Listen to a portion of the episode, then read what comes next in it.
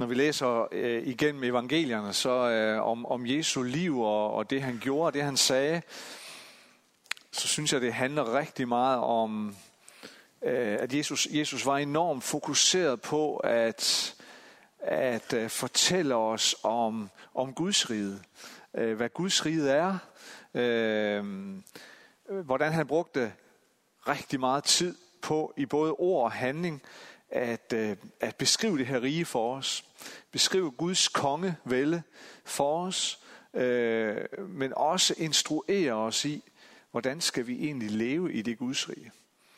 Øh, hvordan skal vi leve øh, på, den, på den vandring, vi er på, frem mod den dag, hvor vi skal se det i, i fuld flor. Øh, hvordan, øh, hvordan lever vi så dag for dag øh, i vores Øh, i, i, i, i, de her, i de her nedslag af Guds rige, som vi får lov til at opleve på vores vej. Øh, det øh, synes jeg, det handler rigtig meget om hos Jesus. Og, øh, og, og, øh, og han brugte også meget sådan nogle små historier, nogle små fortællinger. Øh, de bliver kaldt for lignelser, øh, men, men sådan små øh, illustrative øh, øh, historier, hændelser, som var historier, som folk kunne relatere til, taget ud af menneskers dagligdag. Og øh, Jesus brugte dem øh, til at øh, ja, hjælpe os og hjælpe mennesker til at forstå, hvad Guds rige egentlig er, og hvordan lever jeg så øh, i de her nedslag af Guds rige, som, øh, som vi oplever. Og, øh, og en af dem skal vi bare lige se på i dag. Og øh, øh, den øh, er jeg sikker på, at rigtig mange øh, af jer kender. Den øh, lyder sådan her.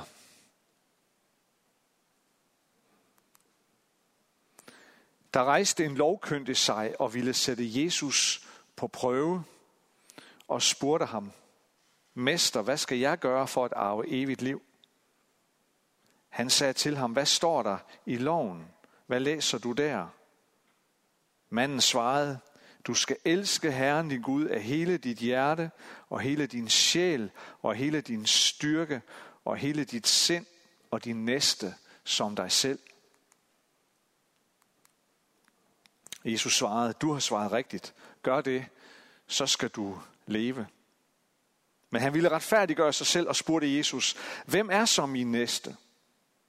Jesus svarede og sagde, en mand var på vej fra Jerusalem ned til Jericho og faldt i hænderne på røvere. De trak tøjet af ham og slog ham. Så gik de og lod ham ligge halvdød. Tilfældigvis kom en præst den samme vej. Han så manden, men gik forbi. Det samme gjorde en levit, der kom til stedet. Også han så ham og gik forbi. Men en samaritaner, som var på rejse, kom hen til ham, og han fik medynk med ham, da han så ham. Han gik hen og hældte olie og vin i hans sår og forbandt dem. Løftede ham op på sit ridedyr og bragte ham til et herberg og sørgede for ham. Næste dag tog han to denarer frem, gav verden dem og sagde, sørg for ham, og hvad mere du lægger ud, vil jeg betale dig, når jeg kommer tilbage. Hvem af disse tre synes du var en næste for ham, der faldt i røvernes hænder? Den lovkyndige svarede, han, som viste ham barmhjertighed. Og Jesus sagde, gå du hen og gør lige så. Øhm, det her er måske en af de mest kendte af de her øh, historier, som Jesus kom med. Den overgås måske kun af, af, af historien eller lignelsen om den fortabte søn, sådan i kendthedsfaktor. Vi kender den, de allerfleste af os. Vi har et eller andet forhold til den. Når, vi, når den nævnes, så, øh, så, så ved mange af os, hvad den handler om. Øh, og vi har at gøre med en fortælling, som har påvirket det meste af vores verden øh, gennem 2000 år. Den har påvirket vores måde at tænke og tro på. Den har påvirket samfundsstrukturer, samfundsnormer. Den har påvirket sundhedspleje. Den har påvirket omsorgsbegrebet over store dele af verden. Tænk på begrebet samarit. Øh, hvad er en samarit? Hvor kommer det fra? Har det må ikke noget at gøre med den barmhjertige samaritaner? Udfordringen med sådan en historie, som vi mener, vi alle sammen kender til bunds, er selvfølgelig, at vi måske kan overse, overse noget af det, som, som Jesus også vil lære os, da han fortalte historien. Og øh, det, øh, det gør jeg mig på ingen måde illusion om, at jeg bare har lys over. På ingen måde. Øh, øh, jeg håber at komme med et lille bud på, øh, hvad Jesus måske, øh, lidt af, hvad han måske vil sige til os med den her historie. I den her, øh, i den her fortælling, der er der to, øh, eller der er en dialog, øh, og der er ligesom øh, to spor i, øh, i, det her, øh, i den her fortælling, øh, i den her dialog. Øh, eller et, Øh, øh, to spor, der følger det samme mønster. Der er en mand, og vi får at vide, det er en, øh, en lovkyndig, altså en mand, der var, der var oplært i loven, altså en, en fra den religiøse elite øh, på den tid, kommer og stiller Jesus et spørgsmål. Og så gør Jesus det, han stiller et øh, modspørgsmål. Og, øh, og, øh, og derefter så besvarer manden Jesu spørgsmål, og først derefter så besvarer Jesus øh, den lovlærtes oprindelige spørgsmål. Måske bare ikke på den måde, som manden havde forventet. Og derefter så gentager det sig. Et spørgsmål fra manden, et modspørgsmål fra Jesus. Manden svarer, og Jesus han siger, okay, der har du dit svar. Jesus han bygger sin historie op ligesom et, et løg. Øhm, vi ved, når vi, når, når vi piller et løg, så består den af, af mange lag. Øhm, og øh, som de her lag ligger oven på hinanden, og øh, jo flere jo flere lag vi piller af, desto tættere kommer vi på kernen, og desto mere svider det i øjnene. Manden stiller spørgsmål på et tidspunkt i den her dialog. Hvem er min næste? Men Jesus stiller modspørgsmålet. Hvem er du næste for? Og så gør han det ved at fortælle den her meget kendte historie. Og han fortæller om en mand, der rejste øh, på vejen fra Jerusalem og, og, og til, til Jericho. En, en, en, en rejse på en 5-6-27 km eller deromkring. Øh, så sådan cirka en, en dagsrejse til fods. Øh, og det var en, en, en, på den tid en berygtet vej, en frygtet vej. Der var, der var landevejsrøvere, øh, som øh, ofte øh, overfaldt og, og, øh, og stjal øh, fra mennesker, der rejste på den her vej. Øh, frygtet for uro, overfald og voldelighed. Og Jericho-vejen, den her vej mellem, mellem Jerusalem og Jericho, kommer dermed til at stå som et billede på, på den her verden, som vi lever i. På en eller anden måde er det et billede på, tror jeg, på den her verden i al dens brudhed. En verden under angreb. En verden i smerte og lidelse. En verden, som er, som er overfaldet, som er overtaget af en sønderbrudhed. Og enhver, som færdes på den vej, er ramt af denne brudhed og dens konsekvenser. Og jeg tror, at det er derfor, at Jesus hverken giver navn eller, eller titel eller yderligere beskrivelse Øh, på den person, som rejser af den her vej i historien. Han siger bare, en mand rejste fra Jerusalem og ned til Jericho. En mand rejste. Fordi det er os alle sammen. Det er alle og enhver af os, som dybest set er på rejse på Jericho-vejen. Det er dig og mig. Det er din sidemand. Det er din nabo. Det er din ægtefælle. Det er personen på den anden side af jordkloden, som du aldrig har mødt og aldrig kommer til at møde. Det er os alle sammen. Et eller andet sted er vi på, på den her Jericho-vej. Man kan sige det på den måde, at vi befinder os alle sammen der øst for Eden. Mange af jer kan huske beretningen fra, fra 1. Mosebog kapitel 3 om menneskets oprør mod Gud, som resulterede i, at mennesket blev smidt ud af paradisets have, af Edens have, blev smidt ud øst for Eden og skulle leve der. Og Gud satte keruber, de her store englelignende væsener med deres flammesvær, de skulle bevogte indgangen til paradisets have, så mennesket ikke kom ind. Vi lever alle sammen der øst for Eden. Vi er alle sammen på Jericho-vejen. Og når vi så befinder os der på Jericho-vejen, i vores brudhed, i vores oprør, så er vi der jo ikke alene. Mennesker møder os, og vi møder andre mennesker. Og det sker også for manden i Jesu fortælling her. Og den her mand, som er på rejse, hans brudhed er i hvert fald tydelig for enhver. Den er tydelig for folk, der passerer forbi ham. Der står, at han ligger halvdød på vejen. Der befinder han sig svævende mellem liv og død.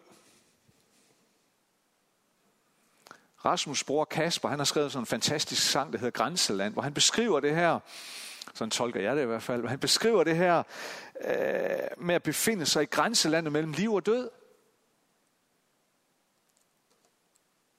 Jeg tolker det som Kaspers øh, poetiske og smukke måde at beskrive vores liv på Jerichovejen, øst for Eden. Og Jesus fortæller om, at da manden ligger der, halvdød på vejen, så kommer der en præst forbi. Men han haster videre, uden at stoppe op. Vi får ikke at vide hvorfor, men, men præsten vil i hvert fald ikke involvere sig. Nu var det sådan en præst på den tid, er ikke sådan, som vi ser en præst i dag. Øhm, sådan i, i, det, i, det her, i det her jødiske samfund. Øh, en præst var sådan en, det var en, der gjorde tjeneste ved templet. Han gjorde det nødvendigvis ikke på fuld tid. Det var sådan, det gik på skift. Øh, og så gjorde man det i en periode, øh, tog vare på, på det, der foregik i templet, øh, tilbedelsen og offringerne osv. Øh, og så, så, og så, øh, så tog man hjem og, og passede måske en, øh, hvad, hvad man nu ellers havde, man ernæret sig ved, indtil det så blev ens tur igen. Øh, og han, han, han var nok på vej hjem efter en præstetjeneste. Og så ser han den her mand ligge halvdød. Og, og, og, og måske har han, vi får ikke at vide, hvad han sådan rigtig reflekterer, men måske har han tænkt over, jamen, hvad skal jeg gøre her? Er han død? Jeg ved det ikke. Han ser død ud. Øhm, hvis jeg rører ved ham, hvis jeg involverer mig i, i hans liv, så er jeg jo uren. Så bliver jeg erklæret uren. Så kan jeg ikke gøre præstetjeneste længere. Så mister jeg måske mit job. Jeg mister måske min anseelse. Lad mig komme væk. Lidt senere kommer der en levit forbi. En, som også havde en form for en præstelig tjeneste, men uden at være den her deciderede præst. Hans opgave var at hjælpe med praktiske og, og åndelige gøremål i templet. Og det samme sker. Hans refleksion var måske noget af det samme. Han haster i hvert fald også videre. Han involverer sig heller ikke. De står der, og der ligger en mand, halvdød foran dem, og i et split sekund skal de tage stilling til et kald, til en udfordring. Men de hastede videre. Måske fordi, at prisen var for høj. I evangeliet om Guds rige er der altid et kald og en udfordring. Evangeliet om riget bærer med sig et kald til at være næste for verden. Et kald til at være næste for byen.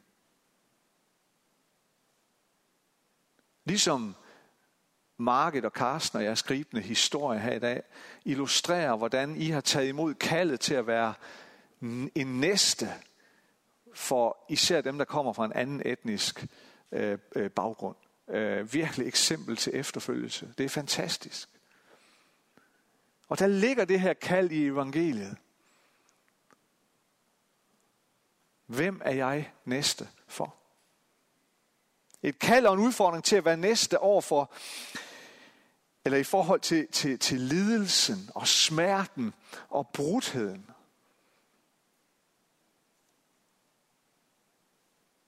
Men i den her historie, som Jesus fortæller, der ser vi også, hvad vi, hvad vi konstant kan opleve, at vi er oppe imod.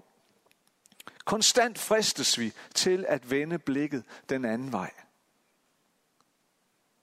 Konstant fristes vi til at haste videre, forbi hvad vi måtte opleve af smerte og lidelse og brudhed i de mennesker, vi møder på vores vej. På grund af vores egen brudhed, så kommer vi nok alt for let til at fokusere først og fremmest på, hvad der gavner os selv bedst. Og nu kan vi grine af præsten og levitten, og så tænke, jamen det er typisk præster, ikke? Prøv at høre, den her historie handler ikke om præster eller levitter. Den, det er ikke kun Rasmus og mig, der, der, der, er, der er sat op på en, en glående pæl her, øh, og, og, og, og skal latterliggøres. Det er os alle sammen. Det er også dig, og det er mig. Det er os alle sammen, der går der, og så ligger der en halvdød på vejen. Og på grund af vores egen brudhed, der har vi oparbejdet en evne til, at vi ligesom den her præst og levit i beretningen, på et split sekund er i stand til at vurdere, om det her andet menneskes behov er noget, jeg skal gå ind i, eller om indsatsen er for høj. Er risikoen for, at jeg må give afkald på alt for meget af min egen malighed, eller tryghed, eller sikkerhed, for stor?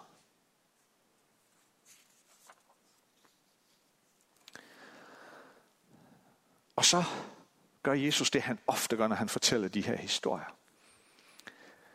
Han smider en håndgranat ind i historien. Bedst som, som mennesker tror, nu har jeg grebet det her.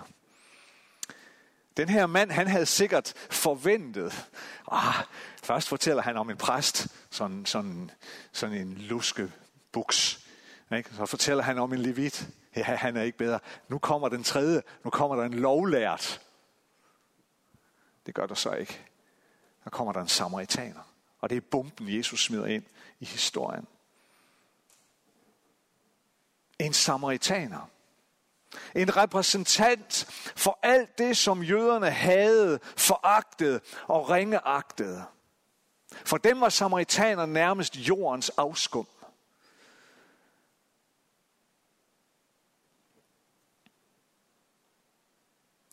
Jeg kan ikke være med at stille mig selv spørgsmålet. Hvad i verden laver han der?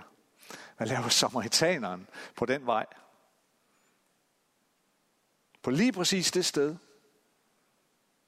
På jødernes territorium og ovenikøbet på en farlig og voldelig vej. Han er næsten så dybt inde i fjendeland, som man overhovedet kan komme. Længere ind bag fjendens linjer kan man vel dårligt komme.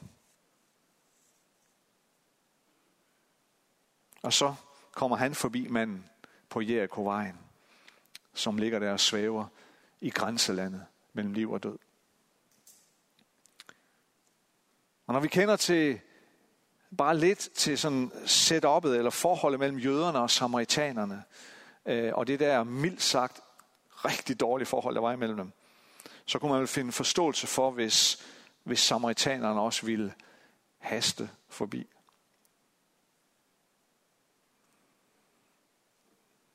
Kan man ikke næsten sige det på den måde, han var den eneste af de tre, som havde et vist alibi, eller en vis ret til at kunne sige, ikke mit bord. Er han ikke den eneste af de tre, som man kunne finde en vis forståelse for, hvis han sagde, jamen, prøv at høre, jeg, jeg er på vej fra A til B, og, og, og jeg, skal bare, jeg skal bare ud af A og hen til B så hurtigt som overhovedet muligt. Her kan man virkelig tale om en person, hvis indsats for at stoppe op ved den her livløse mand virkelig er høj. Der er meget på spil for ham. Men alligevel stopper han op. Alligevel så sætter han alt til side, inklusiv sin egen sikkerhed og tryghed og komfort. Han sætter alt til side for at være den sårede mands næste.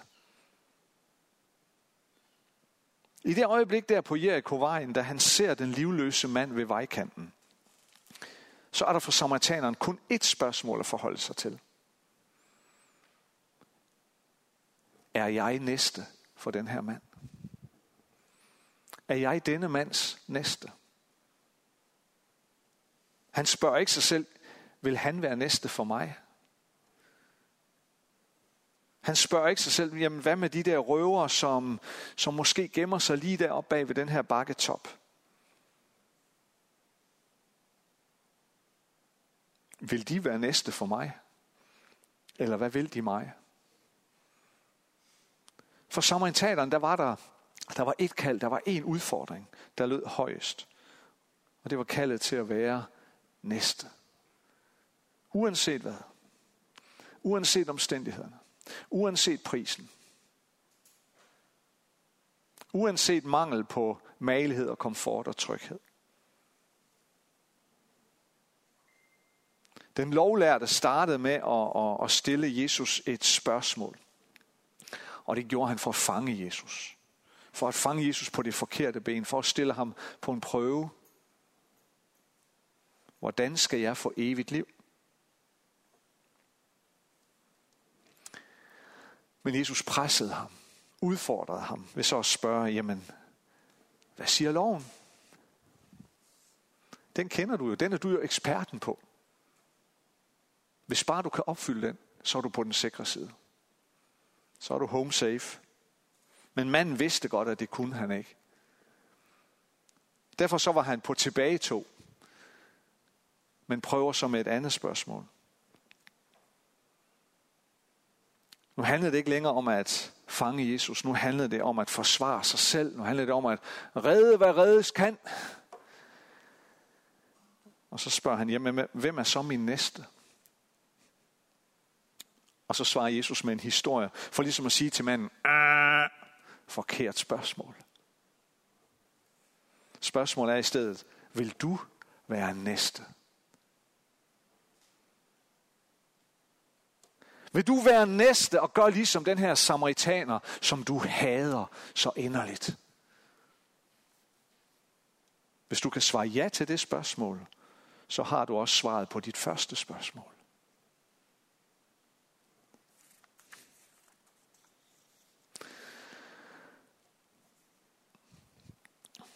Guds riges kald og udfordring til dig og mig, det er kaldet til at være næste. Det er kaldet til at være næste for verden, for byen. Og det kan nogle gange føles som et kald til at gå ind i fjendeland. Forstået på den måde, at det ofte er et kald, som strækker dig. Som strækker dig i forhold til din komfort, din tryghed.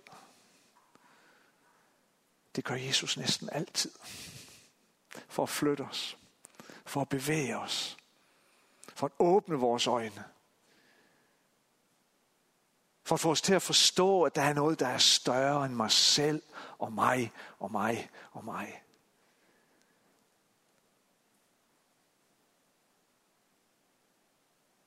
Det strækker dig i forhold til din anseelse og din malighed. Det strækker dig i forhold til, hvad den til enhver tid herskende kultur vil lære dig at stræbe efter og strække efter. Men jeg tror også, der, der er ikke bare en udfordring, der er også altid en støtte. Jesus giver os aldrig en udfordring, uden at der også er støtte med. Støtten er der også. Støtten er der i, at det, at det er der, Jesus er. Jesus kalder dig aldrig ind i det her fjendeland, uden at han selv står derinde og kalder på dig. Det er altid derude, Jesus befinder sig. Og støtten er, at det er ham, der kalder os derud. Det er ham, der inviterer os. Han vil aldrig sende os alene. Han vil aldrig lade os gå uden støtte og uden den omsorg.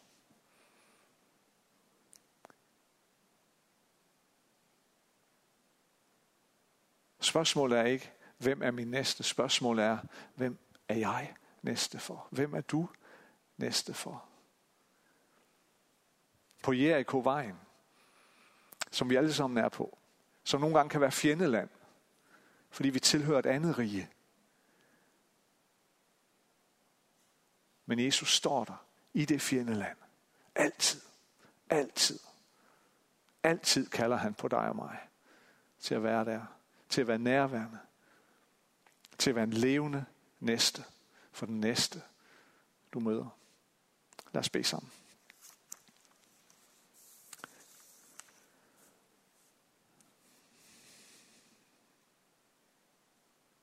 Tak, Jesus, at du er med os i det her grænseland, vi befinder os i.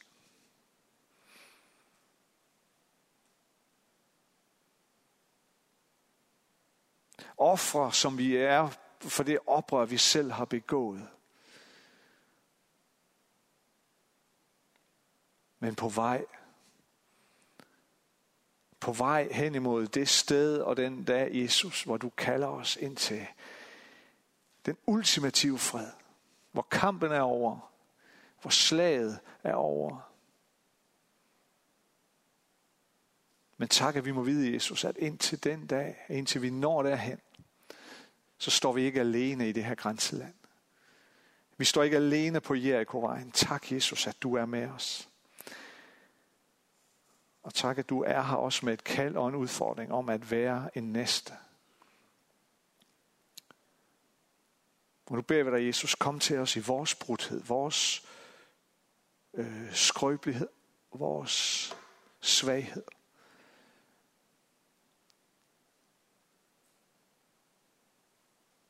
Lad os mærke støtten for dig her. Omsorgen for dig, når du kalder os ud af vores komfortzone til at være næste. Hjælp os til at besejre vores egen malighed, vores egen komfort,